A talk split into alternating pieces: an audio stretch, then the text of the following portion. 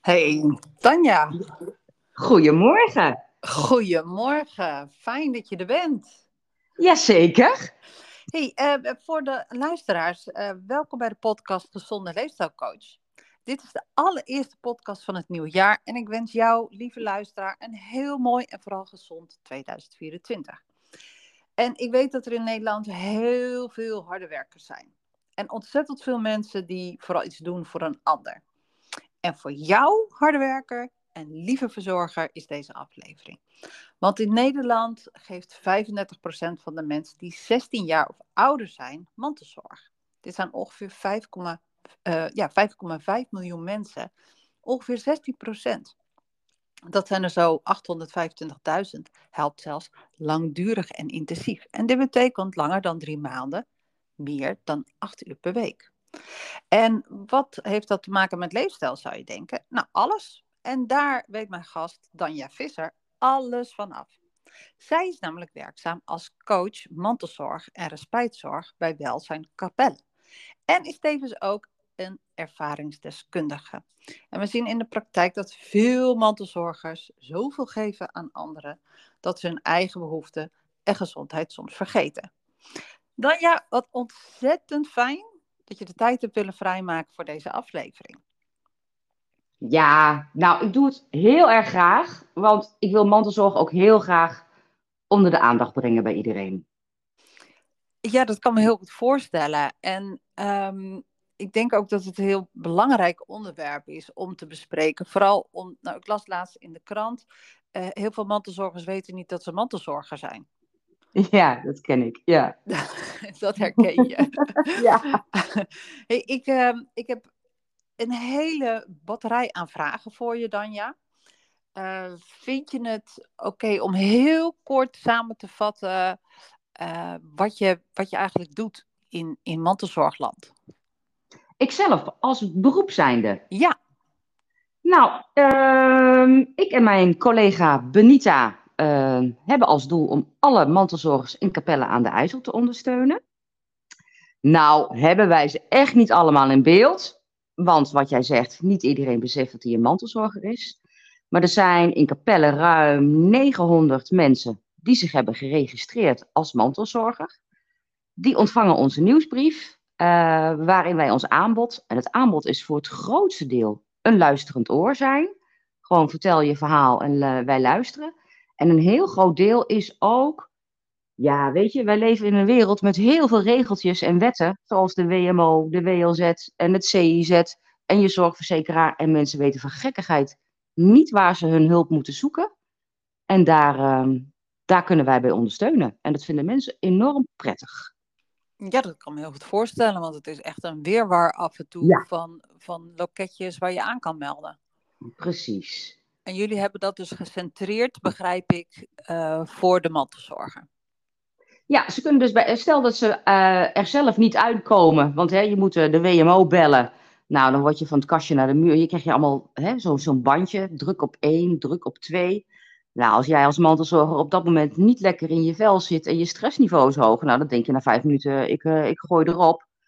Um, terwijl wij dan even een mailtje kunnen sturen met de hulpvraag en wat er nodig is. Een rolstoel of huishoudelijke hulp of begeleiding.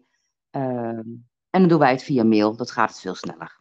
Ja, jullie hebben misschien ook de contacten daar. Wat meer. Nou, het is, niet, het is niet zo dat als wij het aanvragen, dat het dus makkelijker goedgekeurd wordt. Mm -hmm. uh, maar ik weet wel heel goed te formuleren uh, waarom we iets nodig hebben. En uh, nou, mijn wens is eigenlijk ehm, om, haar, om mantelzorgers te ondersteunen, bijvoorbeeld met huishoudelijke hulp. Maar als jij als mantelzorger gezond van lijf en leden bent, dan zegt de WMO gewoon, nou, jij mag gewoon gezellig je eigen wc schoon gaan maken. Hmm. Nou, ik weet uit eigen ervaring dat als je partner ziek in het ziekenhuis ligt en je moet op en neer van werk naar ziekenhuis in huis en je moet thuis je, thuis je eigen wc-pot nog schoon gaan maken, dat je daar echt niet blij van wordt. Nee, dat kan me voorstellen. Je hoofd zit er ook helemaal niet naar, volgens mij. Dat. Oh, er zullen ook echt wel mensen zijn die dat heerlijk vinden, verstand op nul en gaan poetsen. Die zijn er ongetwijfeld.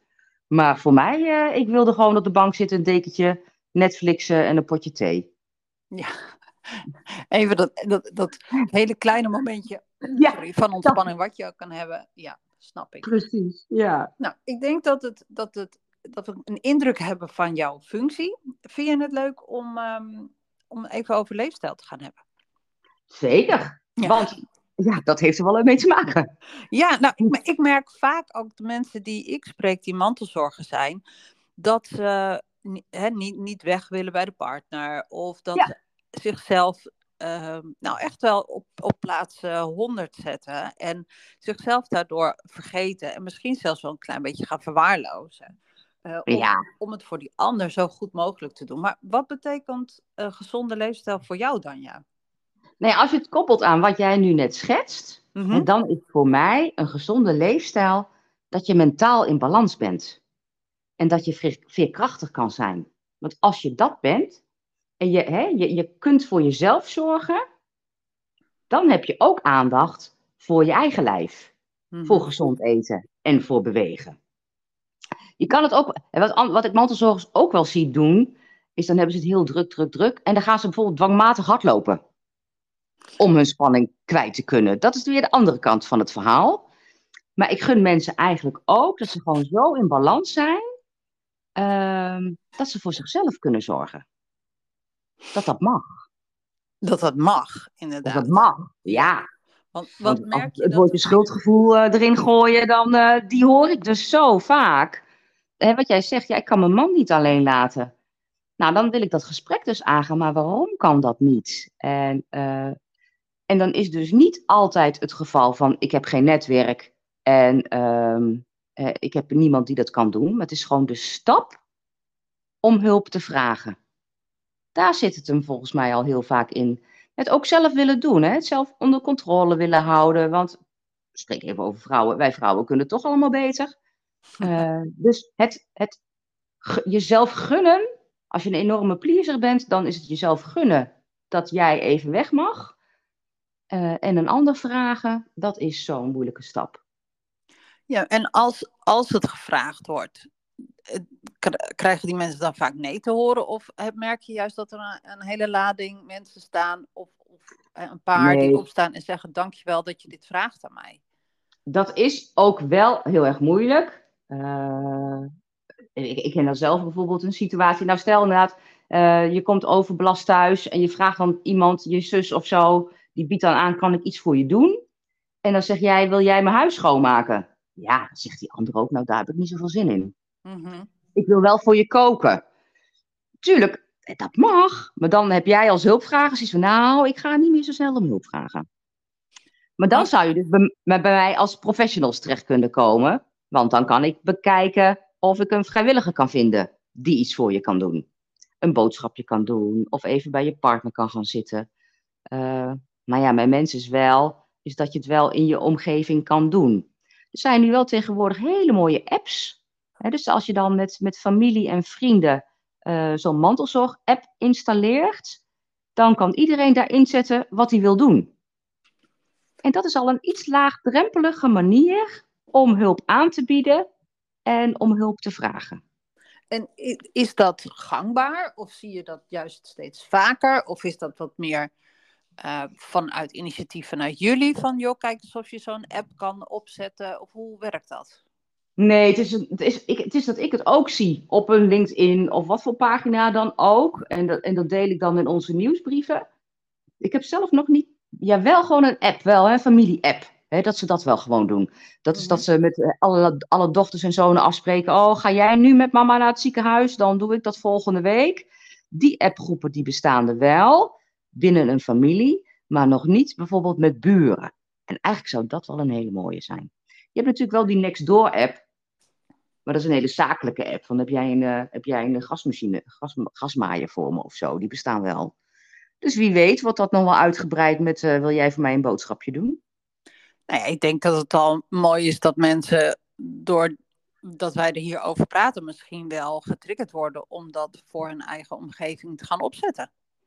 Nou, als wij dat toch met deze podcast voor elkaar krijgen, dan ben ik aan het einde van het jaar heel gelukkig. Oh, ja, maar het zou wel mooi zijn als mensen het dan doen, dat ze het even laten weten. Van, hé, hey, dat was een toffe tip en Danja, dankjewel. Wel- Ja, weet je, ik, ik kom uit Twente en eh, daar had je vroeger nog het Norberschap. En nu nog wel in die kleine dorpjes uh, gebeurt dat ook wel. Hè? De, de, buren kijken naar elkaar om. En dat is nu gewoon niet meer. En af en toe, ja weet je, corona was natuurlijk niet leuk. Maar die eerste maanden van corona, toen, toen waren we er wel voor elkaar. Mhm. Toen gingen we echt boodschappen doen voor elkaar en uh, zagen we naar elkaar om. Nou, het is helemaal verdwenen. En ik vind dat echt, ik, nou, ik, ik heb daar gewoon last van, van de maatschappij nu. Zo, ik, ik, ik. En niet omkijken naar een ander. Ik vind het gewoon onwijs verdrietig. En je zegt, ik heb daar last van, maar merk in je werk of ook privé? Nou, op mijn werk vooral. Gewoon, weet je. Uh, nou, ik had gisteren, nou ja, eigenlijk bijna dagelijks dat ik dat nou, moest ik een spijtzorg regelen, want die meneer die, moest, uh, die moet geopereerd worden. En hij kan zijn vrouw niet alleen laten. En, uh, en dan zegt, nou, heb je familie, heb je kinderen? Nou, dan zegt hij eerst nee. Nou ja, dan krijg ik al kippenvel. En dan uiteindelijk wel, ik heb wel een zoon. Ja, kan die het niet doen dan? Nee. Nou ja, dan schrik ik. Hmm. Kijk, weet je, ik, ik, ik heb, bespreek het nu natuurlijk zelf ook met mijn ouders. Die, die, dat, die zijn uh, midden zeventig bijna. Die worden natuurlijk ook een dagje ouder. Ik vind het echt, ik, nou, ik ben geen moeder Teresa. Ik vind het echt niet leuk om uh, straks, uh, weet ik veel, van Rotterdam naar Almelo te rijden. Om zorg te moeten verlenen. Dus ik probeer het daar nu al wel met ze over te hebben. Van wat als. Um, maar straks, als, als het moet, dan moet het. Weet je? Als mijn moeder van de trap valt, nou, dan is straks eerst mijn broertje de pineut, want die woont, die woont in Almelo. Eh, maar ik zal op een gegeven moment toch die kant op, op moeten rijden. En, uh, en dat is, vind ik, weet je, het nog complexere van werkende mantel, mantelzorger zijnde. Je voelt je ook nog ongelooflijk verantwoordelijk voor je werk. Ja. Dus ik gun, ik gun iedereen een geweldige werkgever. Um, dat hij met je mee kan denken. Dat als jij zegt van, uh, of ik, bel mijn baas van ik moet nu naar huis, want uh, mijn moeder ligt onderaan de trap. En, uh, maar goed, je hebt daar echt wel verlofregelingen voor en bespreek dat met elkaar. En nou ja, ik hoop dat werkgevers daar ook met elkaar over hebben, met, met hun personeelzaken van kunnen we flexibel zijn met, met wat verlofregelingen. Want je bent niet ziek, dus je, je, je hebt uh, hè, calamiteitenverlof, je hebt kortdurend zorgverlof, langdurig zorgverlof. Zorg dat het bekend is onder je uh, werknemers. Uh, hè, wacht niet totdat er een, een crisis is, maar maak dat bekend, zodat de drempel lager wordt voor mantelzorgers om het aan te kaarten. En kunnen jullie daar ook wat tips in geven als, je, als iemand belt en zegt van ja, weet je, ik wil wel mantelzorg geven, maar ik, ik, ik heb een 40-urige werkweek en hoe moet ik dat doen? Dat je kan zeggen van hé, hey, kijk, kijk anders in je CAO of overleg eens met je werkgever. Ja. Nou ja, we hebben een landelijke, hè, dat, hè, dat is ook mijn databank, zeg maar, hè, de landelijke vereniging uh, mantelzorg.nl. En hè, die zoekt heel veel officiële dingen uit. En uh, maar ja, mijn, mijn, ga inderdaad gewoon het gesprek aan. Je hoeft niet altijd de regeltjes te volgen.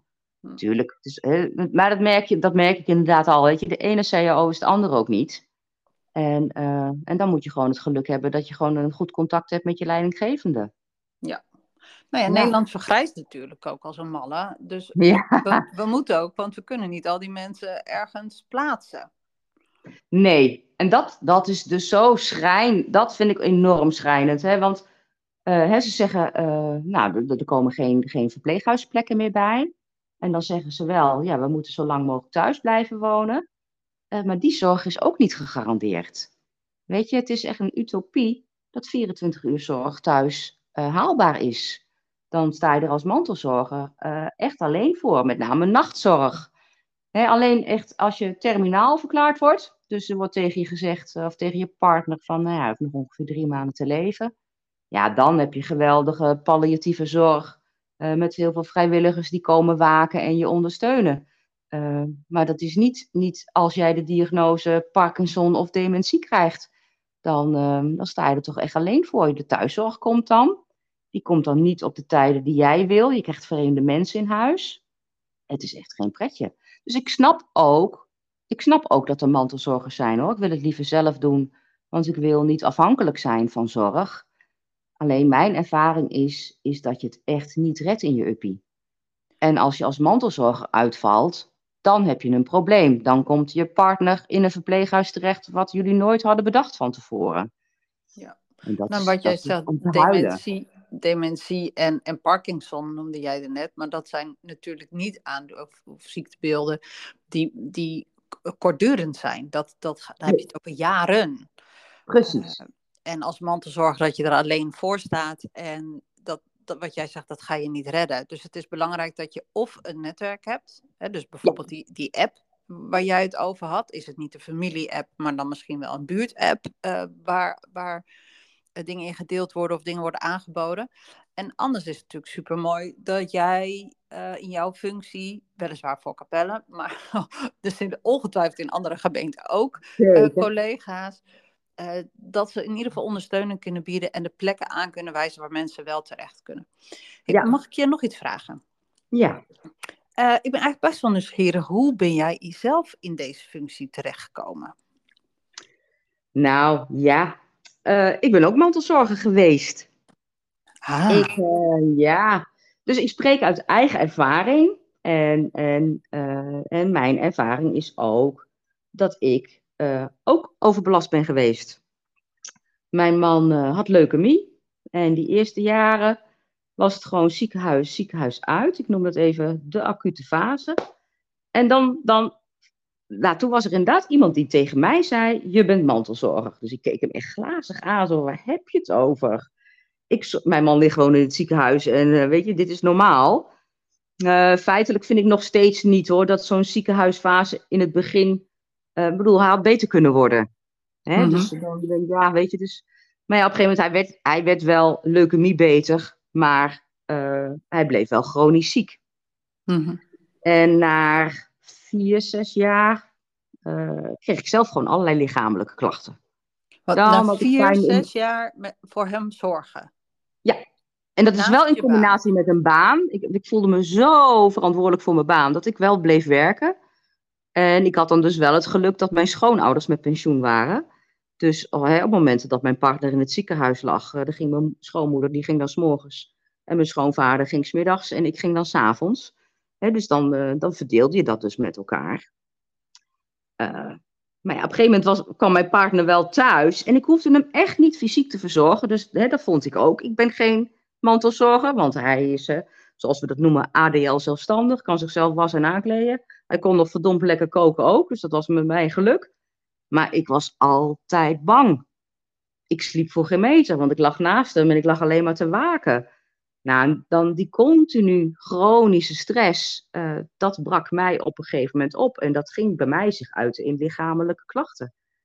En, dat was, en dan ging ik op een gegeven moment wel naar de huisarts voor mijn rugpijn. Nou, die stuurde me dan naar de fysiotherapeut. Nou, ik kreeg last van mijn maag, stuurde ze me naar de internist. Terwijl toen de papieren dossiers, er lagen twee dikke pakken dossiers op haar bureau. Hè? En ze heeft toen nooit aan mij gevraagd. En hoe is het nou met de zorg voor je man? Dacht ik zelf ook, die link had ik zelf ook niet gelegd.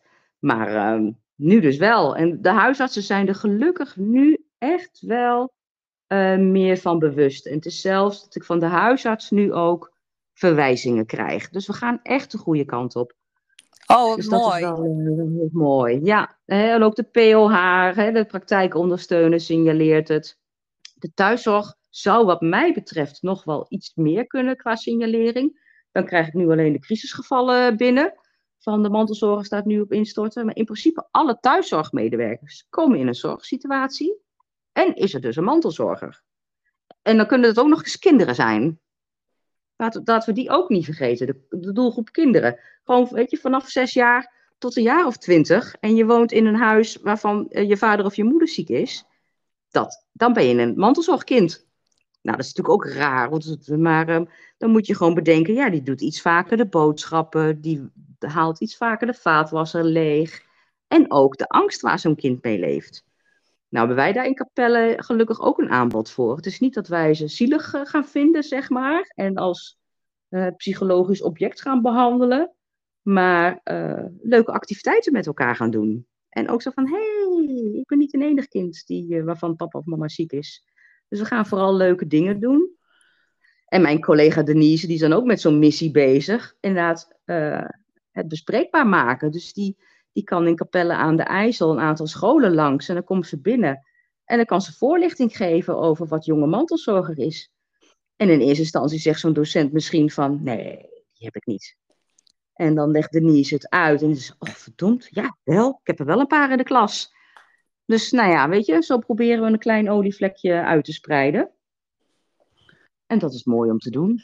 En wat ik, wat ik jou hoor zeggen is ook dat je die kinderen niet als, als zielig of gaat bestempelen of uh, uit gaat vergroten, maar dat die kinderen nog steeds kind kunnen zijn, maar met andere kinderen, andere mantelzorgkinderen, contact kunnen maken.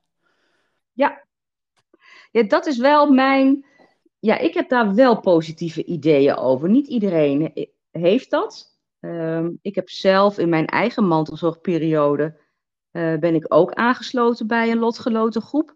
Uh, in de kankerwereld is dat best wel gebruikelijk hoor. Dan heb je bijvoorbeeld ook het Helen Downing uh, Instituut. En wij gingen toen inderdaad wel onder begeleiding van een psycholoog gesprekken voeren. En nou, dat was voor mij echt heel erg fijn. Want nou, wat voor mij gold in de relatie tot mijn zieke partner, is dat ik het niet over mijn verdriet wilde hebben. Want hij is degene die ziek is. En op een gegeven moment was er een, uh, was er een man en zijn vrouw had kanker. En die, die bekende echt schoorvoetend. Ik wou soms dat ze dood was. Nou, er viel zo'n last van mijn schouders af. Want dat, dat heb ik af en toe ook gedacht. Ik, ik, maar om dat toe te geven, jongens, dat is niet te doen. Nee, dit klinkt ook heel heftig, ja. ja. Dit is echt zo, maar doordat en toen kon ik het eigenlijk vrij luchtig daarna met mijn partner zo van, nou, waar we het nou over gehad hebben in die lotgenotengroep. En toen, uh, toen, was het, toen was het eruit en er viel zo'n last van mijn schouder af. En dat was een aanleiding uh, voor ons om het erover te hebben. Hmm. Dat ik, uh, nou ja, hij, dus mijn partner pakte dat dus goed op. En, van, en die vroeg toen, en hoe is het nou eigenlijk met jou? En je mag best wel zeggen dat je het zwaar vindt. En, uh, dus dat, dat heeft ons even geholpen om het bespreekbaar te maken. Van hoe is het eigenlijk voor de mantelzorger? Ja. En kan, kan, de zieke het, kan de zieke dat ook zien, dat het zwaar is voor de mantelzorger? Ja. Dat is, zo, dat is volgens mij heel belangrijk in een mantelzorgsituatie. Dat jij als mantelzorger erkend wordt door je partner.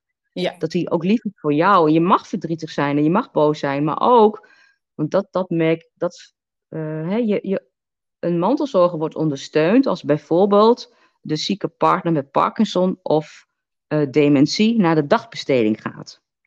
Mm-hmm. Want dan heb je als mantelzorger echt een dag voor jezelf, die je helemaal naar eigen keuze kan inrichten. Uh, maar er zijn mensen met Parkinson en dementie die dat niet willen. Mm-hmm ja, dat, dat is wel heel erg moeilijk. En, uh, en van kan je dan als mantelzorger zeggen van lieverd, uh, je mag van mij, uh, ik wil echt, dat wil, iedereen wil dat, je mag van mij thuis blijven tot aan je dood.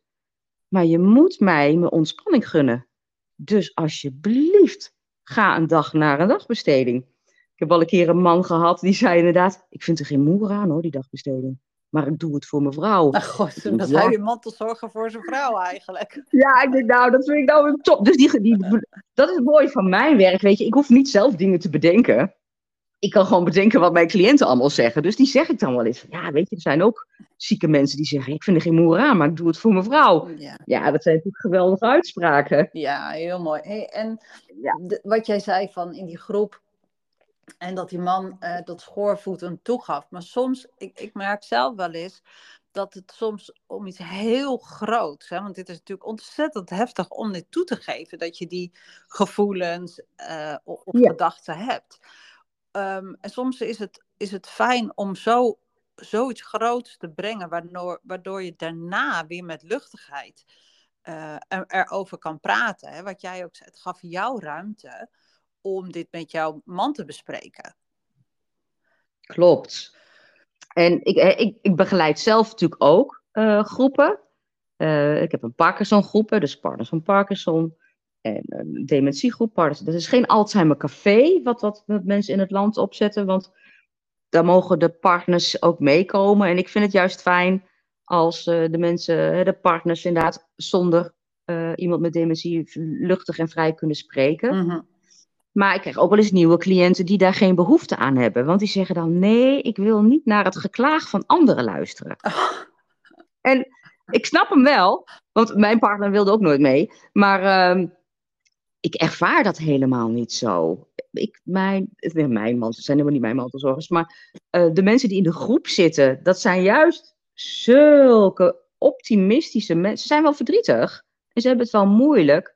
eh, maar ze leren echt van elkaar. Zo van, oh, en hoe doe jij dat dan? En hoe doe jij dat dan? Het ik vind het juist vaak hele leerzame eh, groepen. Ja, maar het zijn stuk voor stuk ervaringsdeskundigen. En als jij er als Precies. nieuwe bij komt, zijn allemaal mensen die, die dit al jaren doen waarschijnlijk. Precies, precies. Ja, het, kan, het kan heel mooi zijn, vind ik. Ja, Ja, het, het is überhaupt tof dat het er bestaat. Hè? En zeker. wat jij zegt, ik hoor dat ook vaak. Ik heb geen zin om zo'n praatgroepje of wat dan ook.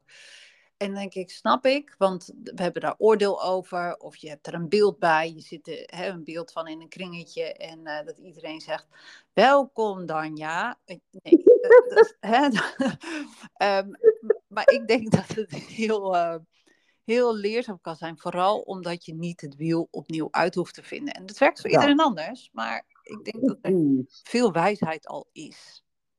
Dat.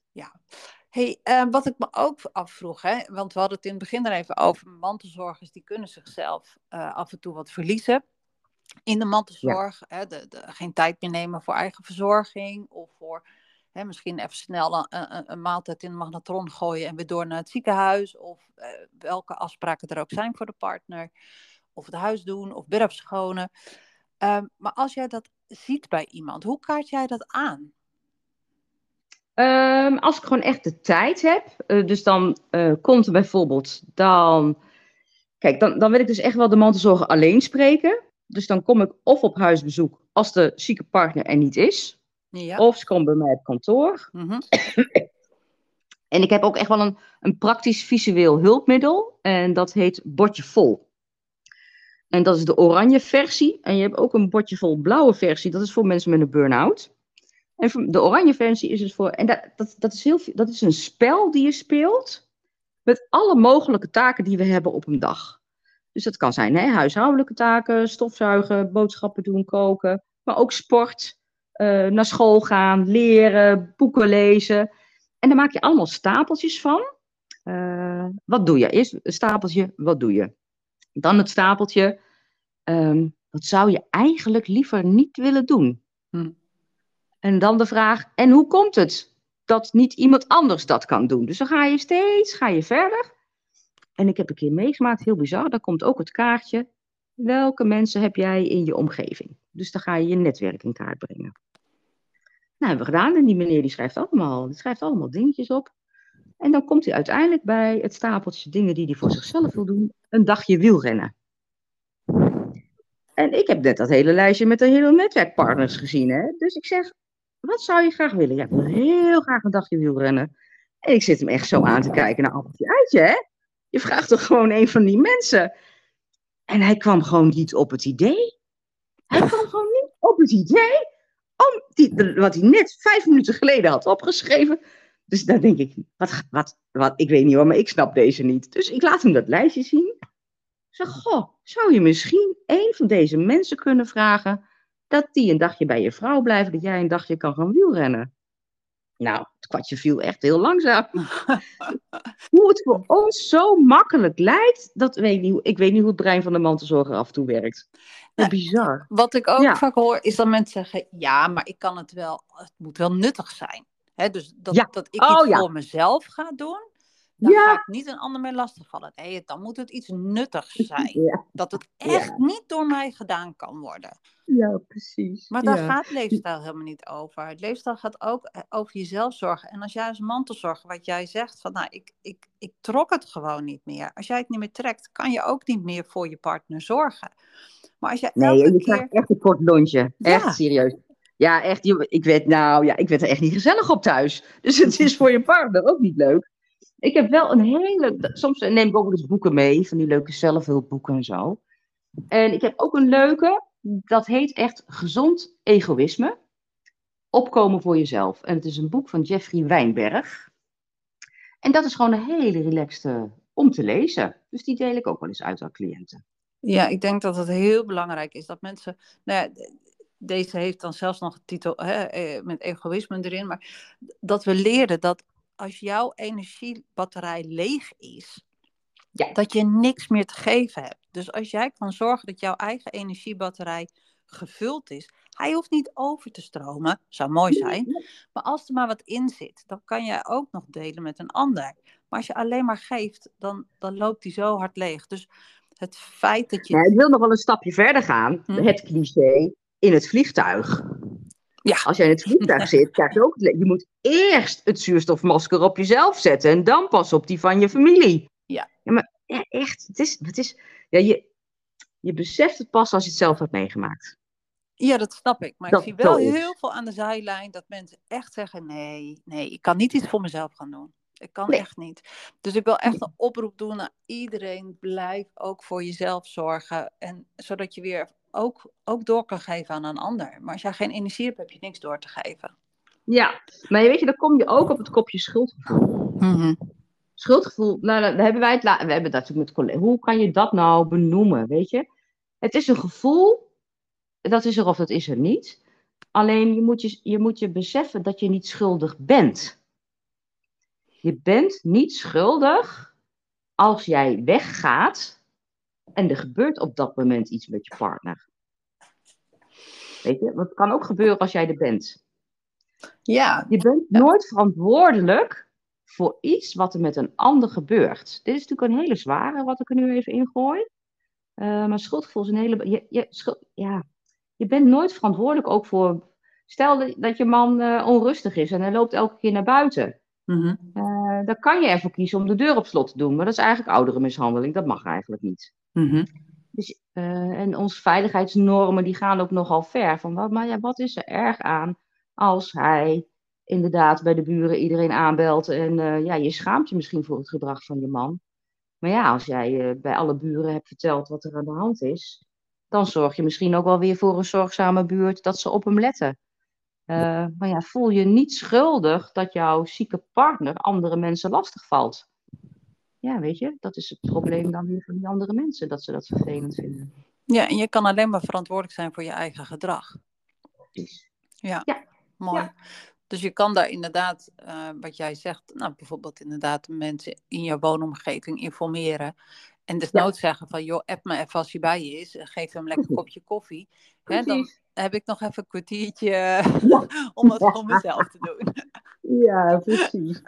Hey, en wat is volgens jou een kleine stap die iemand zou kunnen doen om iets beter, hè, nu heb ik het over de mantelzorger, om Ja. iets beter voor zichzelf te zorgen?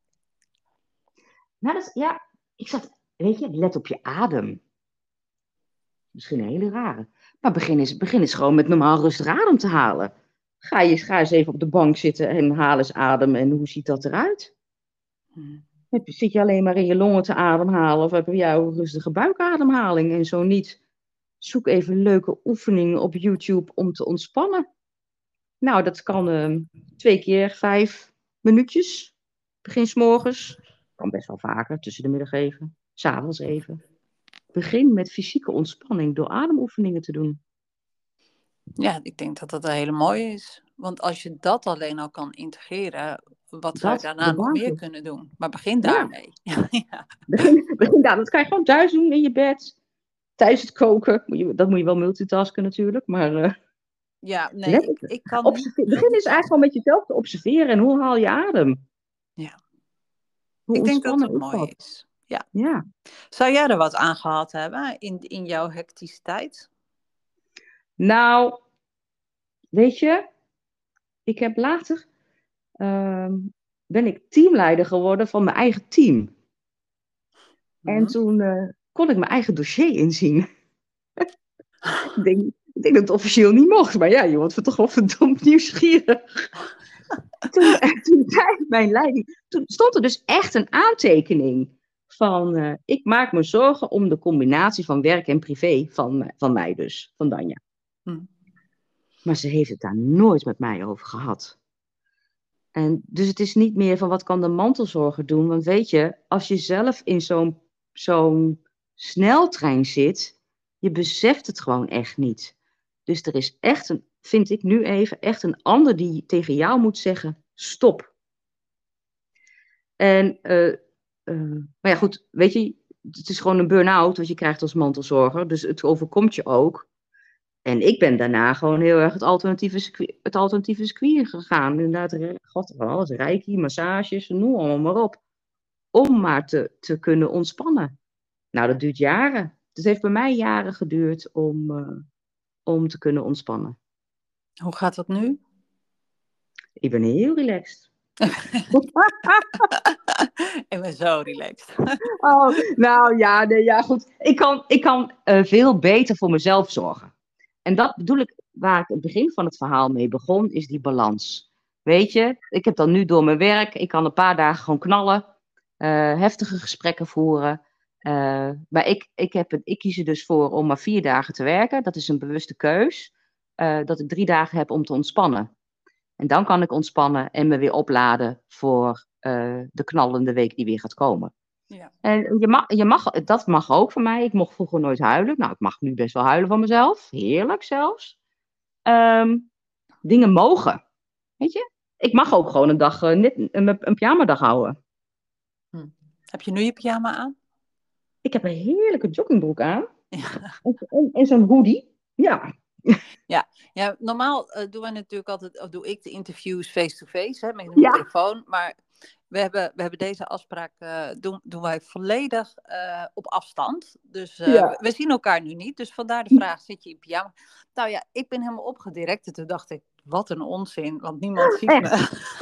maar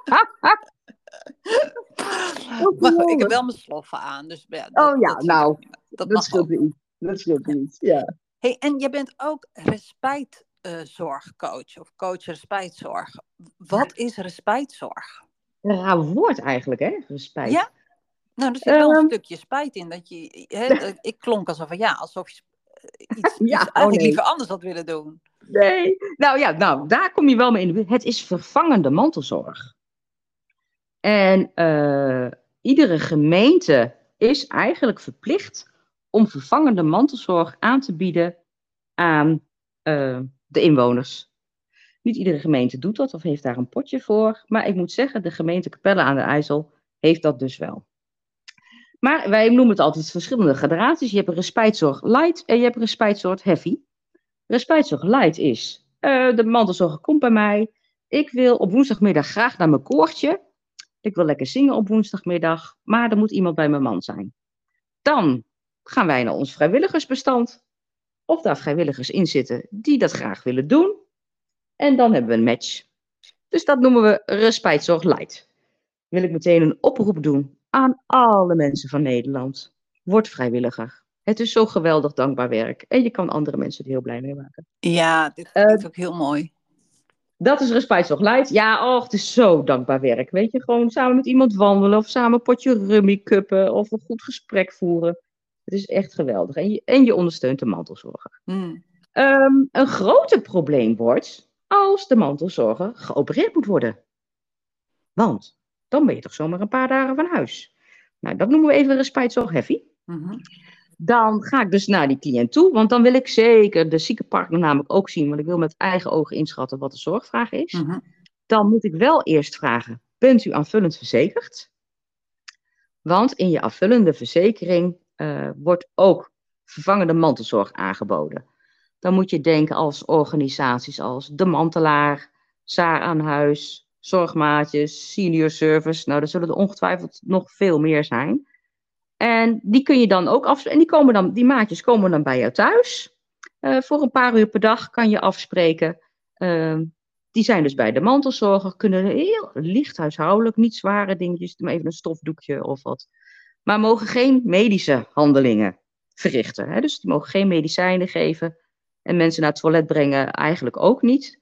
Dus heeft een, iemand uh, zwaardere zorg nodig? Nou, dan heb ik in Capelle daar een budget voor. Hè, het respijtzorgbudget van de gemeente Capelle aan de IJssel. En dan hebben wij hele mooie afspraken met een zorghotel. En dan dien ik de zorgvraag in. Van nou, dit heeft die persoon allemaal nodig qua zorg en ondersteuning dan beoordeelt wel het zorghotel uh, of zij uh, die zorg aankunnen. Nou, en als, als het dat dus lukt, dan kan de, uh, de zorgvrager een weekje naar een zorghotel. En kan de mantelzorger geopereerd worden en rustig herstellen. Nou word ik ongelooflijk happy als ik dat gerealiseerd krijg. Hmm. Want dan wordt mijn ego ook weer uh, gestreeld van yes, dat heb ik voor elkaar gekregen. Alleen het is natuurlijk ongelooflijk verdrietig als het niet lukt. Ja, dat snap ik. En dat, uh, dat zal in de toekomst dus steeds meer gaan gebeuren. Want die zorghotellen die zitten natuurlijk ook straks vol. Met alles en iedereen. Dus, en dan, ik, heb, nou, ik heb zelfs een keer een mevrouw die zelf die keuze heeft gemaakt. Hè. Dat was al een, zij zorgde voor haar man in een vergevorderd stadium met dementie. En die had dus al uh, de wet langdurige zorg. Dus dan kan ik het niet regelen, want ik heb het WMO-potje. Dus dan moet de case manager dat regelen. En dan zou de optie zijn dat die man tijdelijk opgenomen zou worden in een verpleeghuis. Nou, die mevrouw die vertikte dat. Dus die heeft haar eigen heupoperatie niet door laten gaan. Oh. Nou, dan moet ik slikken hoor. Dat vind ik heel, heel erg. Dat is heftig. Dat is dus niet Ja, het hè? stukje zelfzorg wat, wat ook mantelzokkers Nee. nodig hebben. Nee. Ja. Nou ja, vervolgens had ze dan wel een keuze. Want ik zeg, nou ga dan. Nou, toen, eh, eh, ik, ik, ik, was haar, ik was daar dan toen zij dat besluit vertelde. Ik zeg, maar goh, ik zeg, hoe ziet zo'n heupoperatie eruit? Zeg, je bent misschien, nou ja, ze was natuurlijk wel op leeftijd, maar je bent misschien twee, drie dagen weg in, in het ziekenhuis. Ehm, nee, ze hoefde niet leer, te leren trappen lopen, want ze woonde in een appartement. En haar zoon zat erbij, dus van, ja, dus ik keek die zoon meteen aan. Van, goh, ik zeg, nou, weet je, als het maar om een paar dagen gaat, dat kunnen wij met elkaar wel regelen, zeg ik zo tegen die zoon. Waarop die meteen zei, ja, maar dat kan echt wel. Maar ja, dan hebben mensen echt het idee, ja, maar ik moet nog zes weken revalideren. Oh, nou, dus, weet je, ik heb er dan ook te weinig verstand van. Maar waarom denk ik, moet iemand van in de tachtig revalideren in een revalidatiecentrum? Waarom kan een fysiotherapeut niet thuiskomen? Maar goed, ik zeg nu dingen waar ik geen verstand van heb. Maar laten we daar nou even met elkaar over, over discussiëren. Als dat betekent dat die mevrouw gewoon haar heup kan laten opereren. Hm. Ja, dat zijn inderdaad grotere vraagstukken. Maar wel, wel Ja. keuzes ook die bij de mensen zelf liggen. Alleen is het wel mooi dat ze weten dat er verschillende opties zijn in ieder geval. Dat. Ja. Kijk, en daar moet ik voor mezelf natuurlijk wel mee. Want weet je, ik ben een reddertje. Anders doe je dit werk niet. Hm. En ik moet natuurlijk ook leren loslaten. ehm, ja, dat mensen zichzelf natuurlijk moeten helpen. Ja. Dat ik, in wat jij zegt, ik kan natuurlijk alleen maar het aanbod van dit is er allemaal. En niet de druk voelen dat ik het op moet lossen. Want dan, dan wordt het werk wel zwaar natuurlijk. Ja, en mensen willen ook die zelfstandigheid kunnen houden. Hè? Ik zou dat zelf ook willen. Hè? Dus die, die keuzes horen ook bij de mensen zelf te liggen. Alleen mogen ze wel weten, al deze opties zijn er. Dit kan, hier kan je allemaal gebruik van maken.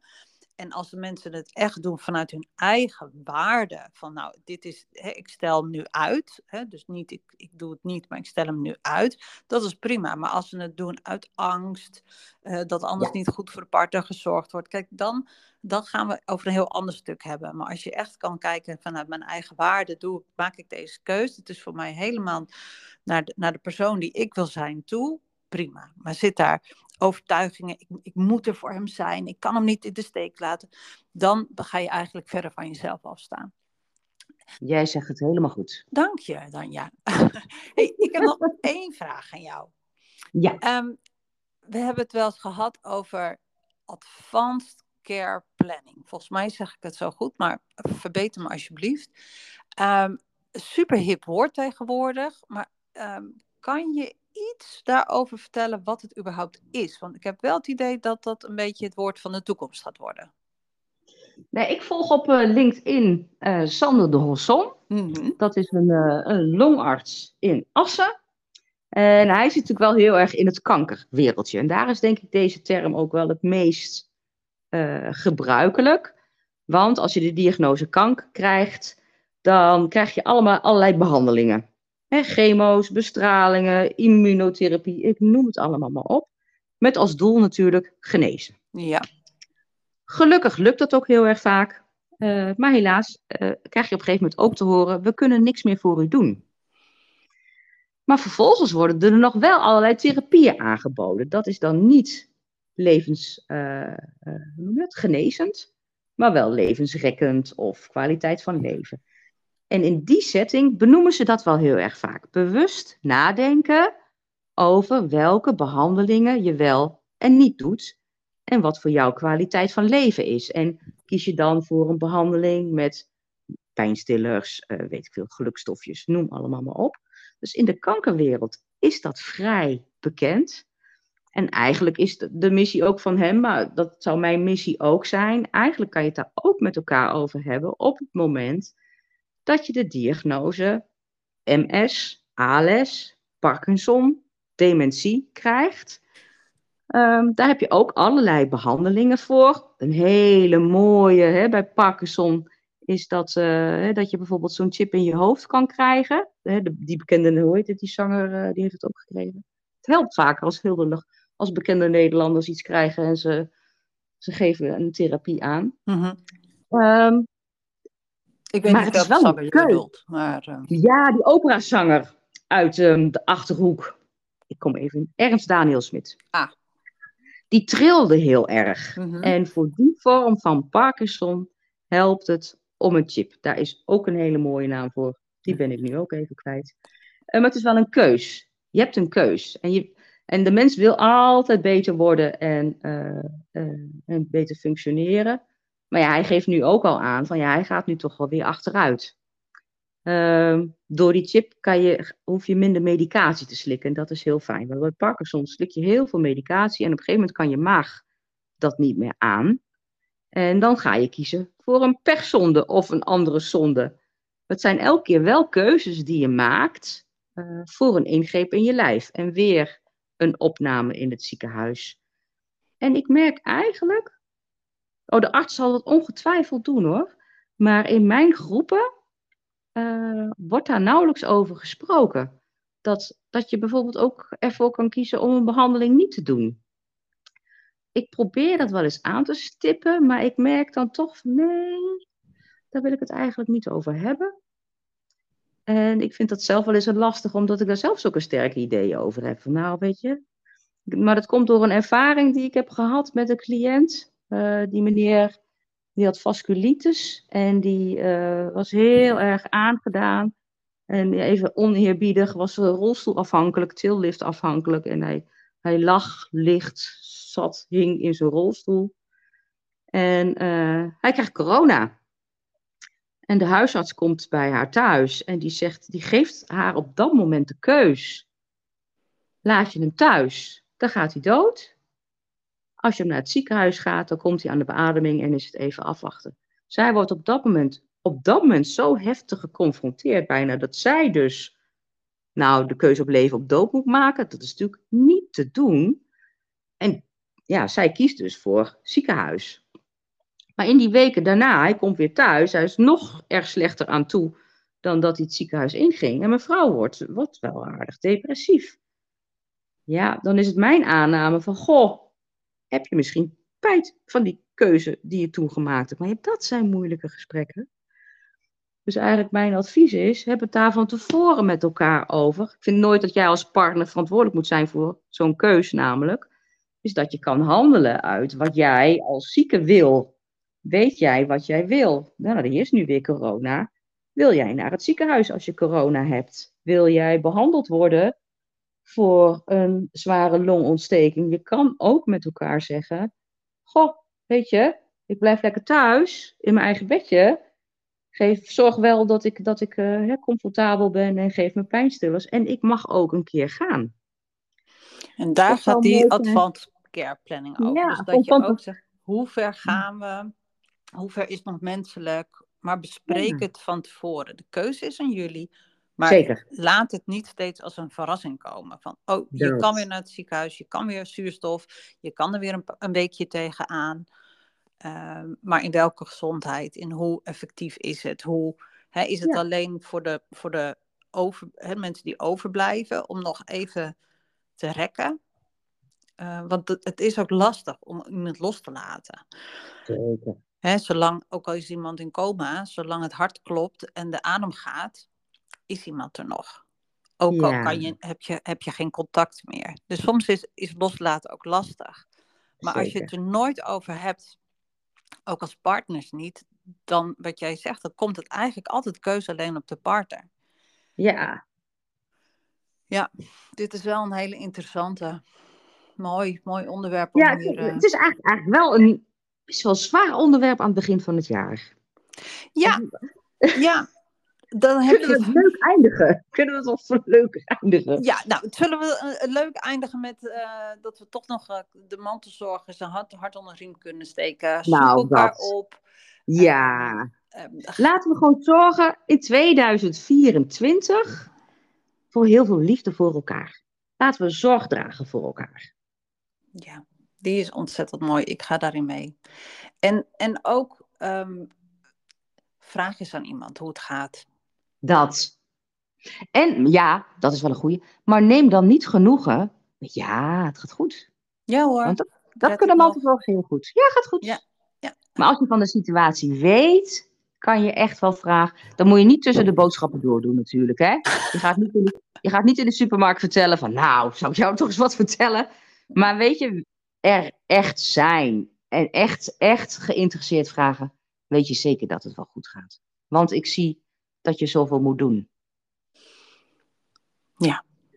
Ik eh, laten we iedereen oproepen om eh, en zich sowieso als vrijwilliger aan te melden. Ja, ook. eh, bij instanties die mantelzorgers kunnen, kunnen ondersteunen. Ehm, mooi. En als je met iemand wandelt, ben je dan ook mantelzorger? Eén keer in de week? Ben jij vrijwilliger? Of Dan ben je een zeer gewaardeerde vrijwilliger. Kijk, en als je een keertje een potje kookt voor iemand? Nee, want het is een keus. Als jij ervoor kiest om dat één keer in de week voor iemand te doen, dan kies jij ervoor. En we zullen niet zonder die mensen kunnen en we zijn ongelooflijk dankbaar. Maar als mantelzorger heb je geen keus. Nee, Dan absoluut. is er altijd iets van een familierelatie. Of inderdaad, die eenzame buurman die naast jou woont, die geen netwerk heeft. En jij doet vervolgens alles voor die persoon. Hè? En de administratie, en de boodschappen, en het koken. Dan ben jij een mantelzorger voor diegene die totaal geen netwerk heeft. Maar Ja. doe je af en toe maar één van die dingetjes.